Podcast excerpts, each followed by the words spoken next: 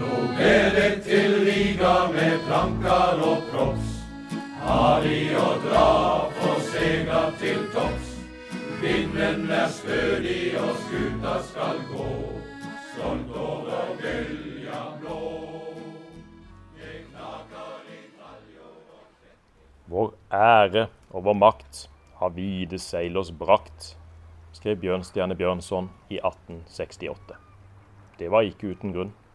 For 150 år siden var Norge verdens tredje største sjøfartsnasjon, og Sørlandet var landets seilskutesentrum.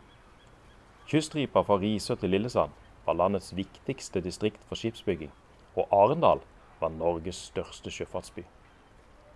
I podkasten De hvite seil, historier fra Sørlandets siste seilskutetid, vil du få høre ramsalte historier om mennesker, skip og økonomisk vekst og fall.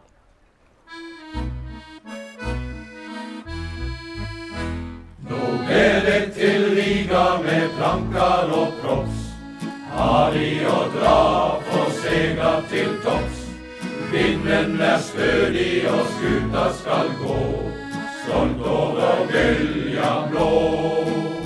Det knaker i taljer og kjettinger krin, der nymåla skute i vårsola skin.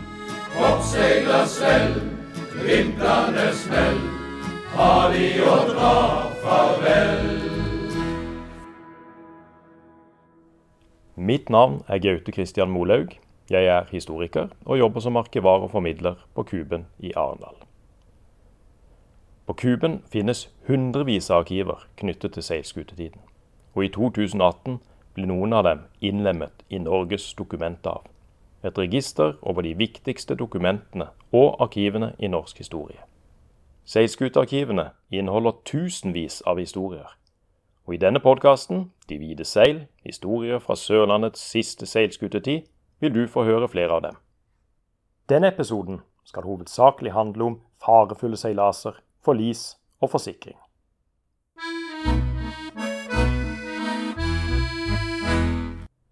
«20. mars 1838 dro seilskuta Fortuna ut fra Ardal havn. Skipet var eid av Ardalsrederen Anders Dedekam, og kaptein var den 28 år gamle Gabriel Ferdinand Hetting. I sterk vind og snøfokk satte skuta kurs for Le Havre i Frankrike.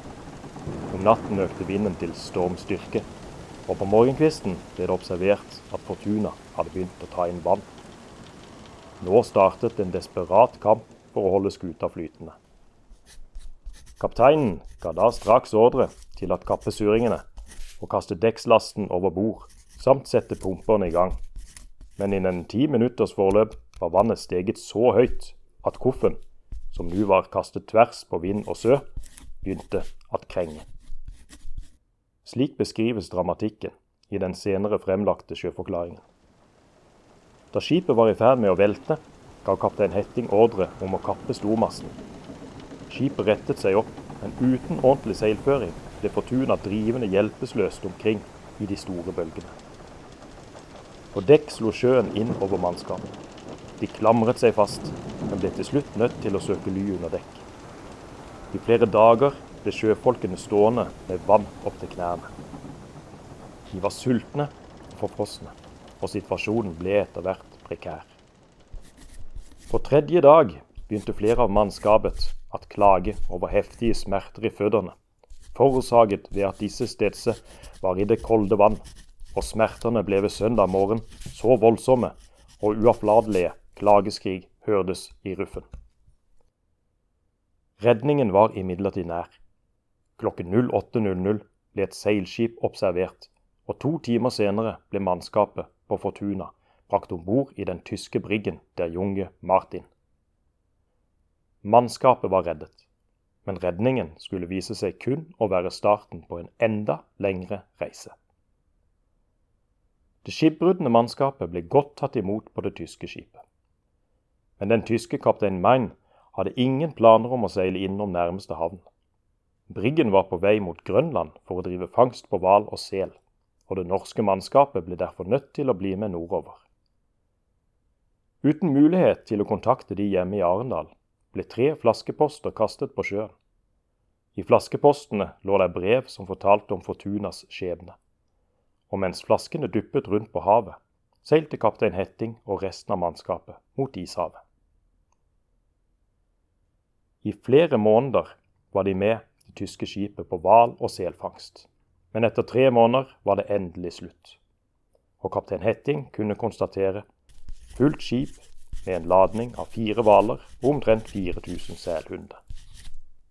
Omtrent på samme tid ble to av flaskepostene funnet. En ble funnet på en strand i Danmark, en annen ble plukket opp av et skip fra Mandal. Og i juni ble flaskepostbeskjeden trykket i avisen Vestlendingen. En måned senere kom også mannskapet hjem. Vi fortsatte da vår reise til Arendal, hvor vi lykkelig og vel ankom den 24. juli. To dager senere ble det avholdt sjøforklaring, der kaptein Hetting kunne gi sin beretning om mannskapets strabasiøse reise fra forlis og redning til ishavfangst og hjemreise. Fortunas mannskap sin skjebne var ikke dagligdags, men forlis og andre ulykker til sjøs var svært vanlig i seilskutetiden. I årene mellom 1850 og 1875 var den norske seilskuteflåten i kraftig vekst, men fraktvakt med seilskuter var risikabelt. Ifølge Norges offisielle statistikk for Norges skipsfart forliste rundt 3000 norske seilskuter i årene mellom 1850 og 1875. Verst var det i 1872. Dette året forliste i alt 252 skip. 65 av dem var hjemmehørende på Sørlandet. For skipsrederne kunne et forlis få store økonomiske konsekvenser.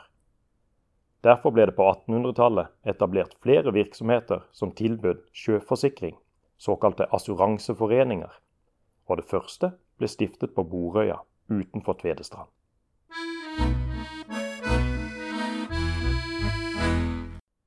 Skulle noe av selskapets skipe med total forlis forulykke, da betaler enhver av medlemmene eieren av et sådant skip den antatte verdi. Slik starter første paragraf av statuttene til Oksefjorden innbyrdes assuranseselskap. Selskapet ble etablert 7.2.1806 og stifterne var 24 redere på strekningen fra Lynger til Arendal. Grunnlaget for etableringen baserte seg på gjensidighetstanken. Ved å stå sammen vil man fordele risikoen ved forlis eller skader på skip. På denne måten kunne hvert enkelt medlem bli befridd fra den sørgelige forfatning at se sig ruinert. Frem til etableringen av Oksefjorden innbyrdes assuranseselskap hadde norske redere vært nødt til å forsikre last og skip i utlandet. Men de utenlandske selskapene krevde høye premier. Mange norske redere valgte derfor å seile uforsikret. Det norske assuranseselskapet ble derfor godt mottatt og vokste i løpet av sitt første virkeår. Allerede i desember 1806 omfattet det en tredjedel av distriktets tonnasje. Men medlemsveksten fikk en brå stopp. Høsten 1807 havnet Danmark-Norge i krig med Storbritannia og Sverige. Konflikten førte til at kun et begrenset antall skip forlot havn. Siden skip som lå i opplag ikke betalte premie, falt mye av grunnlaget for selskapets virke bort. Allerede i 1808 opphørte derfor forsikringsvirksomheten i selskapet. Det ble endelig avviklet i 1819. Behovet for sjøforsikring forsvant imidlertid ikke. Jernverkseier og eidsvollmann Jakob Aall hadde vært en av initiativtakerne til Oksefjordens innbyrdes assuranseselskap. I 1836 utga han tredje bind av historieverket Nutid og fortid.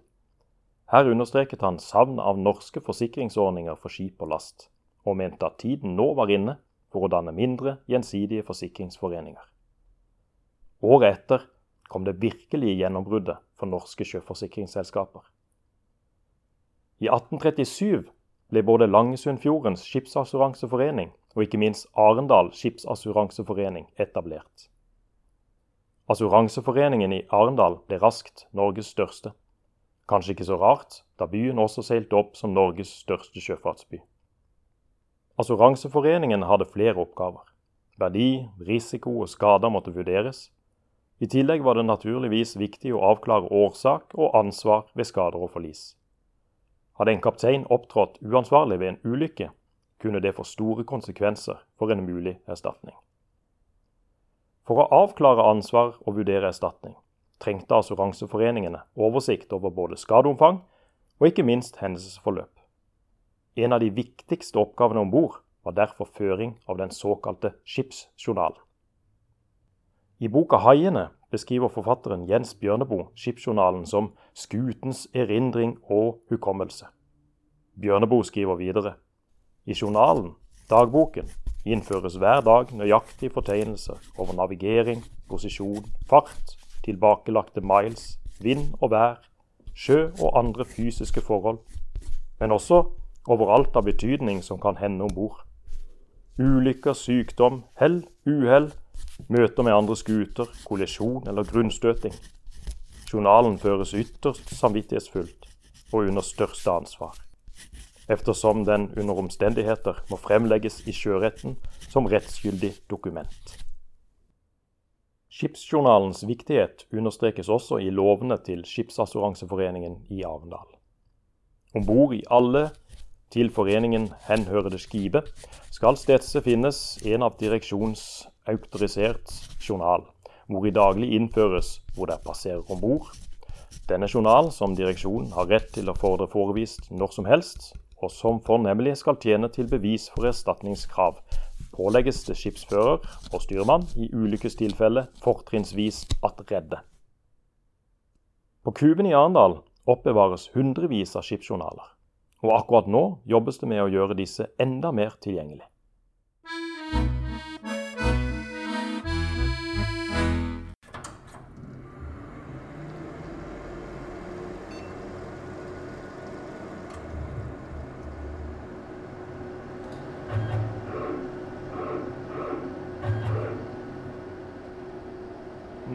Beveget oss ned på ett av Kuben sine digitaliseringsrom. Og her står jeg sammen med arkivar Stefan Fiedler. Og hva er det som foregår i dette digitaliseringsrommet? På digitaliseringsrom da har vi en stor bokskanner. Og på den kan vi skanne protokoller, journaler og mulig arkivmateriale som vi da kan legge ut på nettsiden Digitalarkivet. Så da kan altså folk hjemme i sin egen stue eh, sitte og bla i gamle dokumenter som eh, bl.a. befinner seg her på Kub. Ja, det, vi har privatarkiv, vi har offentlige arkiver som vi publiserer, sånn at folk kan ja, i sin hjemmestue se på det.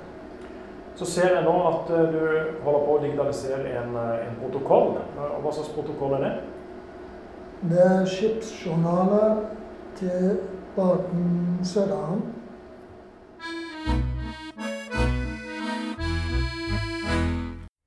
Den 7. mai 1887 forlot Søderhamn Arendal. Barken ble ført av Fredrik Tellefsen fra Tromøya. Tellefsen var en erfaren kaptein og hadde seilt med Søderhamn i flere år. Denne turen var imidlertid litt spesiell. Tellefsen hadde nylig overtatt skipsparten i skuta, og dette var første tur der han var både kaptein og skipsreder.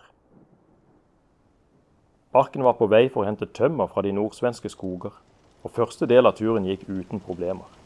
Men ved 16-tiden den 19. mai 1887 blåste det opp til stiv kuling. På kvelden økte vinden til stormstyrke.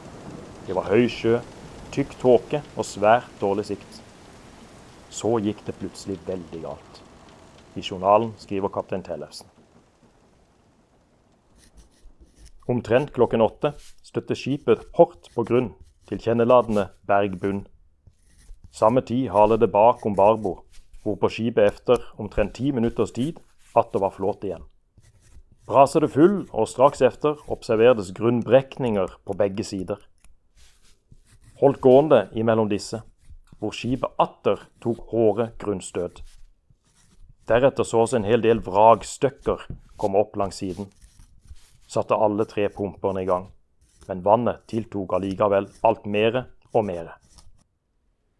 Mannskapet var urolige og bønnfalt Tellefsen om å søke nødhavn. Skipperen ga i stedet ordre om å holde skuta flytende. Først ved midnatt lette tåken, og Sødehavn satte kurs mot nærmeste havn. Det ble en strevsom tur. Sødehavn tok inn stadig mer vann, og mistet etter hvert styringen. Fartøyet drev mot land og gikk så vidt klar av skjær og brenninger. Besetningen ante hva som kom til å skje. De tok med seg sine eiendeler og hoppet i livbåtene. Kun Tellefsen, styrmann og den lokale losen ble igjen på det kantrede fartøyet. Skipet drev nå med stor fart mot et undervannsskjær. Men redningen var på vei. Den dampdrevne slepebåten Holmsund hadde sett Søderhamn i havsnød og kom skuta i møte. De tilbød slepebistand mot betaling. Tellefsen syntes det var dyrt, men innså at dette ikke var tid og sted for forhandlinger. Slepeturen inn mot byen Holmsund gikk imidlertid ikke som planlagt. Søderhamn skiftet brått kurs, og trossen slet seg. Skuta drev videre og gikk til slutt på grunn. Søderhamn endte sine dager i Sverige, der skipet ble vraket. Basert på bl.a. Søderhamn sin skipsjournal konkluderte Assuranseforeningen med at Tellefsen hadde utvist godt lederskap under dramatiske forhold, og som reder fikk Tellefsen utbetalt erstatning. Mannskapet på Søderhamn overlevde forliset, og fikk i stor grad med seg sine eiendeler. Men ikke alle var like heldige. Tap av sjøfolkenes verdisaker ble imidlertid ikke dekket av skipsassuranseforeningene.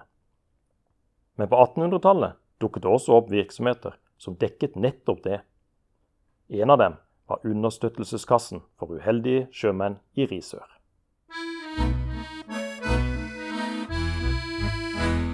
Foreningen i Risør ble stiftet allerede 26.3.1820 og var ment som en privat sykeforsikring og gjensidig understøttelsestiltak for lokale sjømenn og deres etterlatte.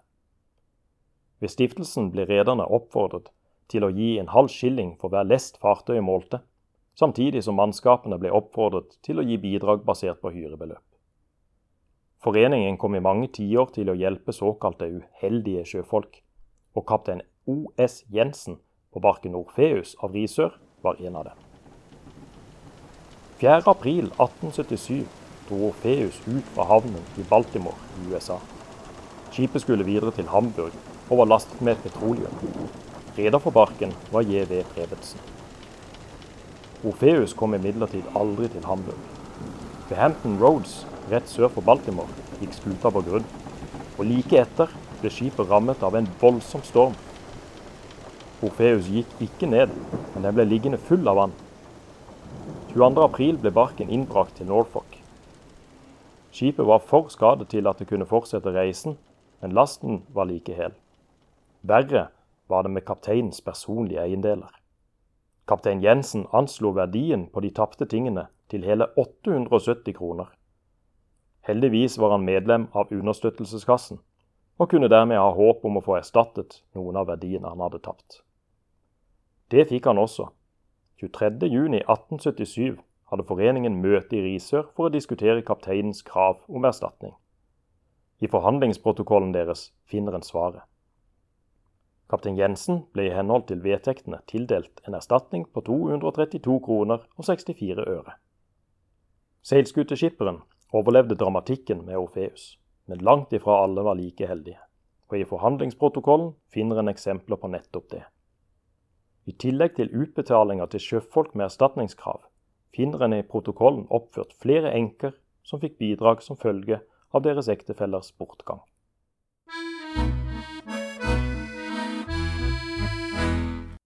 Blant assuranseforeningene som forsikret skip, var Skipsassuranseforeningen i Arendal lenge den dominerende foreningen på Sørlandet.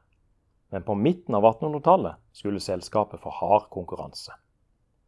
24.6.1854 ble det sendt ut en innbydelse til skipseiere fra Risør til Kristiansand. Innbyderne ønsket å opprette en gjensidig assuranseforening i Grimstad. Resultatet ble etableringen av Agders gjensidige assuranseforening. Bak innbydelsen sto bl.a. den tidligere kapteinen Fredrik Crawford og Morten Smith-Petersen. Smith-Petersen var både verftseier og skipsreder, men hadde også en spesiell interesse for sjøforsikring. For Smith-Petersen var det imidlertid ikke nok med norske assuranseforeninger. Han ønsket også et nasjonalt selskap som kunne fungere som en rettesnor for alle norske skip, både i forhold til forsikring, men også i forhold til sikkerhet til sjøs.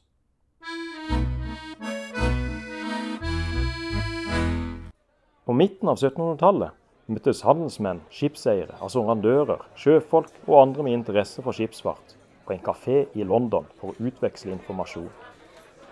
Møteplassen ga grunnlag for det velkjente skipsregisteret kalt Lloyds Register of Shipping, som første gang ble publisert i 1764. I registeret kunne en få oversikt over skipenes tilstand og gjøre vurderinger basert på felles kunnskap. Skipene ble delt inn i klasser basert på skipets sjødyktighet. Det handlet om hva skipene var laget av, hvordan de var konstruert, og hvordan de var utstyrt i forhold til bl.a. seilføring. Tilsvarende klasseregistre ble også etablert i andre land.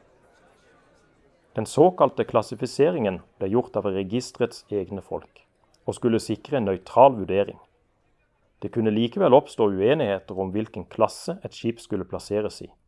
Dette gjaldt ikke minst i forhold til den raskt voksende norske flåten, som hovedsakelig kom til å bestå av egenproduserte treseilskip.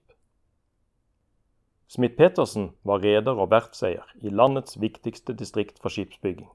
Det var derfor kanskje ikke så rart at han ivret etter å få på plass et eget norsk klassifikasjonsselskap.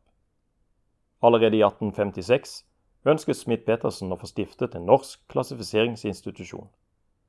Bakgrunnen var en avisfeide med det franske Byrå Veritas sin representant i Norge.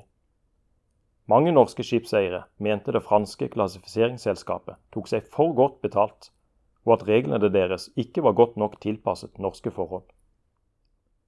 Smith-Petersens ønske ble ikke oppfylt i 1856, men han jobbet fortsatt for et samarbeid mellom de ulike assuranseforeningene og 15.6.1864 ble Det Norske Veritas stiftet hvis formål var at tilveiebringe en pålitelig og ensartet klassifikasjon og taksasjon av norske skip.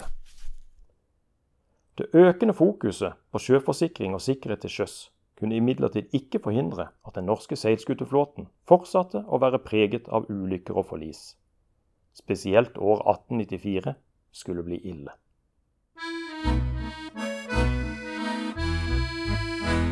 Ifølge Norges offisielle statistikk for Norges skipsfart forliste 308 norske seilskip i 1894. Av disse var 118 hjemmehørende på Sørlandet.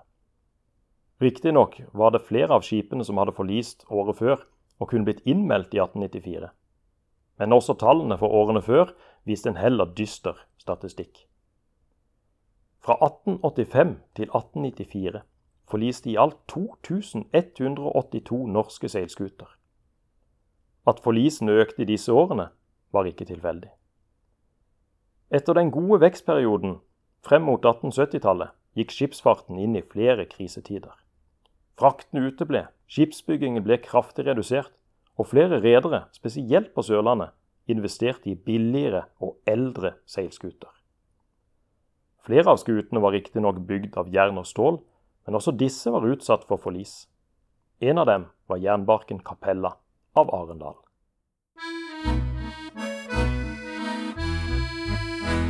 Kapella var bygget i Bremen i Tyskland i 1875, og kom til å seile under tysk flagg fram til 1902. I november ble skuta kjøpt av Hans H. Pettersen i Arendal. Et år senere var skuta klar til å reise fra Arendal til Cape Town med trelast. Men på avreisedagen fikk mannskapet plutselig problemer med ankerspillet. Siden det var blitt lørdag ettermiddag, var det i utgangspunktet ikke enkelt å få det reparert. Alt lå dermed til rette for at Capella kom til å bli værende i Arendal til over helgen. Men tilfeldighetene ville det annerledes. Fra Skottholmen verft kom arbeiderne roende innover Byfjorden fra Galtesund. Om bord var også smeden Søren Nilsen. Og selv om han etter en lang arbeidsuke heller hadde lyst til å ta fri, påtok han seg oppdraget med å reparere ankerspillet til Capella. Utpå kvelden var jobben gjort.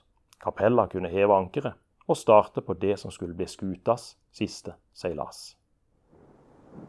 Søndag kveld den 23. november 1903 gikk alarmen ved Redningsvesenets stasjon i Ferring på Jylland i Danmark. Det blåste storm med orkan i kastene, og et skip var observert drivende hjelpeløst mot land. Redningsfolkene reagerte raskt, men de kunne ikke forhindre at skipet strandet på grunnene litt nord for Hovbjerg. Kort tid etter sto de imidlertid parat ved strandingsstedet. Ute på skipet kunne de observere blinkende rop om hjelp. En signalrakett ble skutt opp fra land, og redningsutstyr rigget opp. Redningsliner ble skutt ut mot skipet. Så ble det mørkt. De blinkende nødropene opphørte. Redningslinene lå slakke. Alt håp var ute. Samtlige 15 sjøfolk var omkommet, og tilbake lå gjenbarket Capella, brukket i to. Utover på 1900-tallet ble den sørlandske seilskuteflåten kraftig redusert. Dette påvirket også assuranseforeningene. I 1877 hadde hele 1068 skip vært forsikret i Skipsassuranseforeningen i Arendal. I 1925 var antallet sunket til 269. Samme år ble Agders gjensidige assuranseforening oppløst. På resten av de gamle assuranseforeningene for seilskip skulle det imidlertid dukke opp nye forsikringsselskaper på Sørlandet. Selskaper som gjorde det stort innen sjøforsikring av damp og motorskip. Et av dem var Assuranseforeningen Gard, som ble etablert i Arendal i 1907. Men det er en helt annen historie.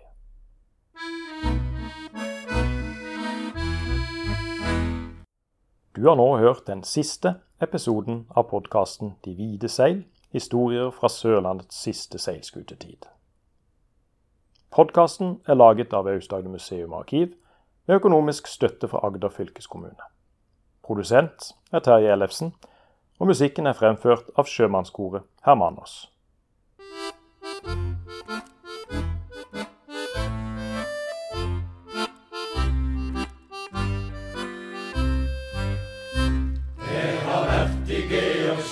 Mye rart å se. Der er snurpenod og filk og brill og ruse. Der er krabbeteine, øsekar og møe mer enn det. Der er glassgulvet med tau som ikke knuser. Der er gosshage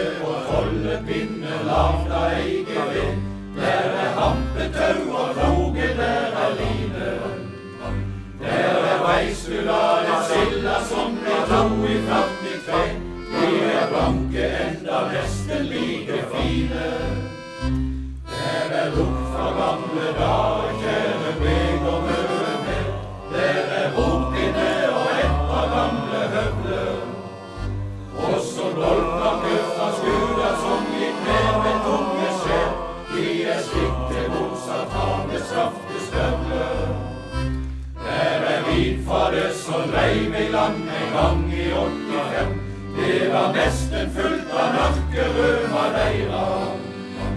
Det var den gang folk på øya gikk i pustet veien hjem. Og i høysta sånne skulle vi ha fleira. Under taket henger skjøllriver